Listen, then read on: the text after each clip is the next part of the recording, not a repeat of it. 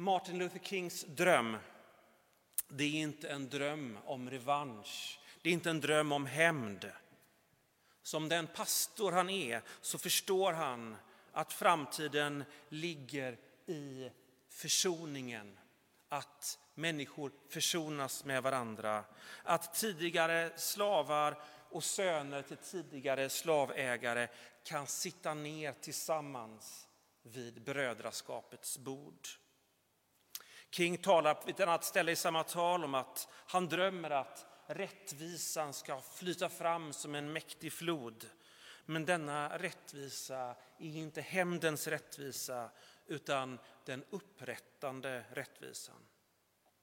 Och i Kings dröm så är denna försoning en uppenbarelse av Guds härlighet. Och han citerar profeten Jesaja.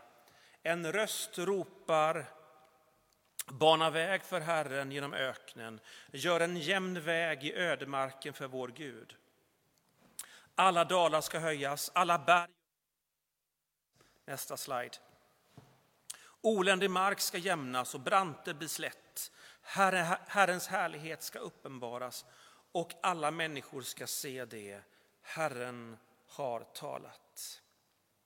Nyår, det är drömmarnas tid. Nyåret är en tid då vi ser bakåt och längtar efter verklig förändring. Det är tidpunkten där vi riktar vårt hopp att det ska komma en ny tid. Som också nyårsklockan som läses varje nyårsafton vid tolvslaget i Skansen. Där det står Ring ut den stolthet som blott räknar anor, förtalets lömskhet, avundens försåt. Ring ut, ring ut de tusen krigens år, ring in den tusenåra fredens rike. Vi längtar efter den tusenåra fredens rike, men vi gör ofta som de flesta som läser nyårsklockan. Vi censurerar dikten, vi utelämnar det sista stycket som slutar Ring mörker, mörkrets skuggor bort ur alla land.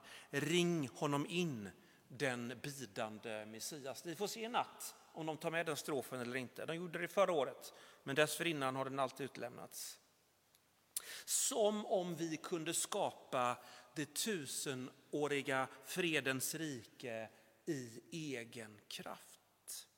Men utan Messias, utan Kristus, utan hans kors där han bär folkens och världens synd, skuld och ondska i sin egen kropp så blir drömmen inte en dröm utan en orealistisk fantasi.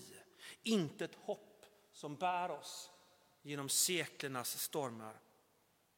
Det blir ingen fred på jorden, i vårt land, i våra klassrum eller våra familjer som änglarna sjöng för de, för de förvånade hedarna om vi inte underordnar våra drömmar och våra viljor Kristi dröm och vilja som är starkare, större, vackrare, mer rättvis, mer barmhärtig än vad vi kan uppbåda själva. King säger med referens till Guds löften. Med denna tro kommer vi att kunna hugga en sten av hopp ur förtvivlans berg. Nästa, nästa bild. Med denna tro kommer vi kunna förvandla vår nations skärande disharmoni till en vacker symfoni av brödraskap. Med denna tro kommer vi kunna arbeta tillsammans, att be tillsammans, att kämpa tillsammans, nästa slide, att gå i fängelse tillsammans, stå upp för frihet tillsammans, att veta att vi kommer att vara fria en dag.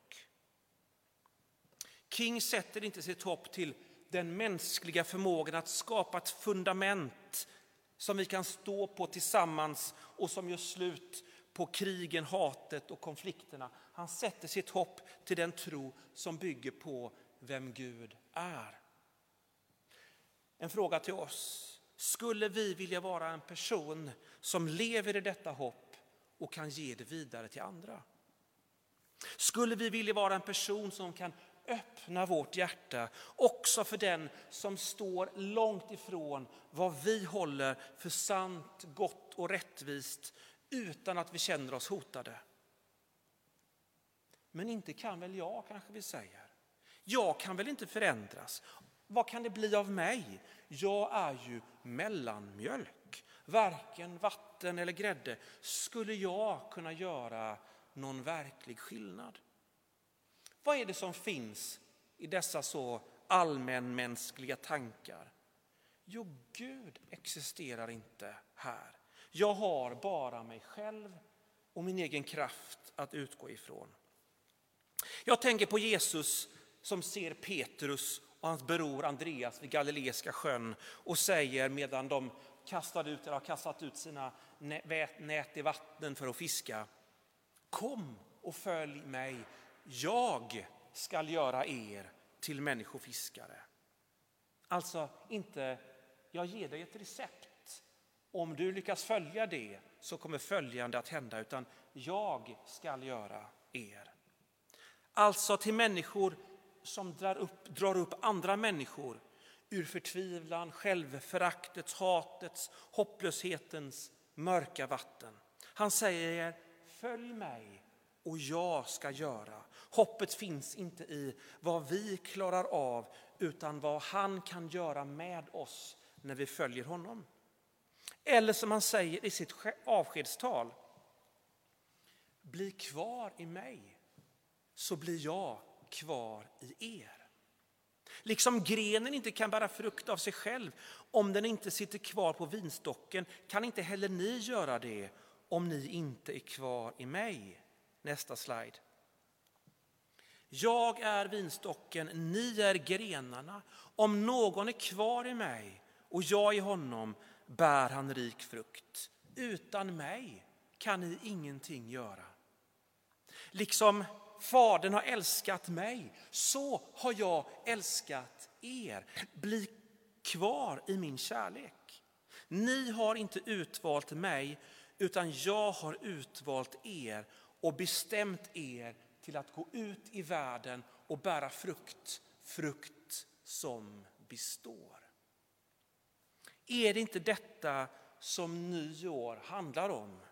Att korrigera riktningen för att mitt liv ska bära frukt, god frukt som kan göra verklig skillnad. Fadern sände sin son för att skapa fred, frid mellan folk och familjer och han vill göra det genom dig och mig. I det lilla och i det stora. Och vägen in i denna livsuppgift är att andas i, växa i den kärlek som Kristus har till dig och mig. Att låta oss älskas av honom. Gud Fadern säger till oss idag, jag har en dröm för världen och jag vill att du ska vara en del av den. Nästa slide. Och denna dröm är att genom Kristi blod på korset stifta fred och försona allt med sig genom honom och till honom, allt på jorden och allt i himlen. Och jag tänker att Jesus säger till oss här idag, jag vill att du ska vara med. Vill du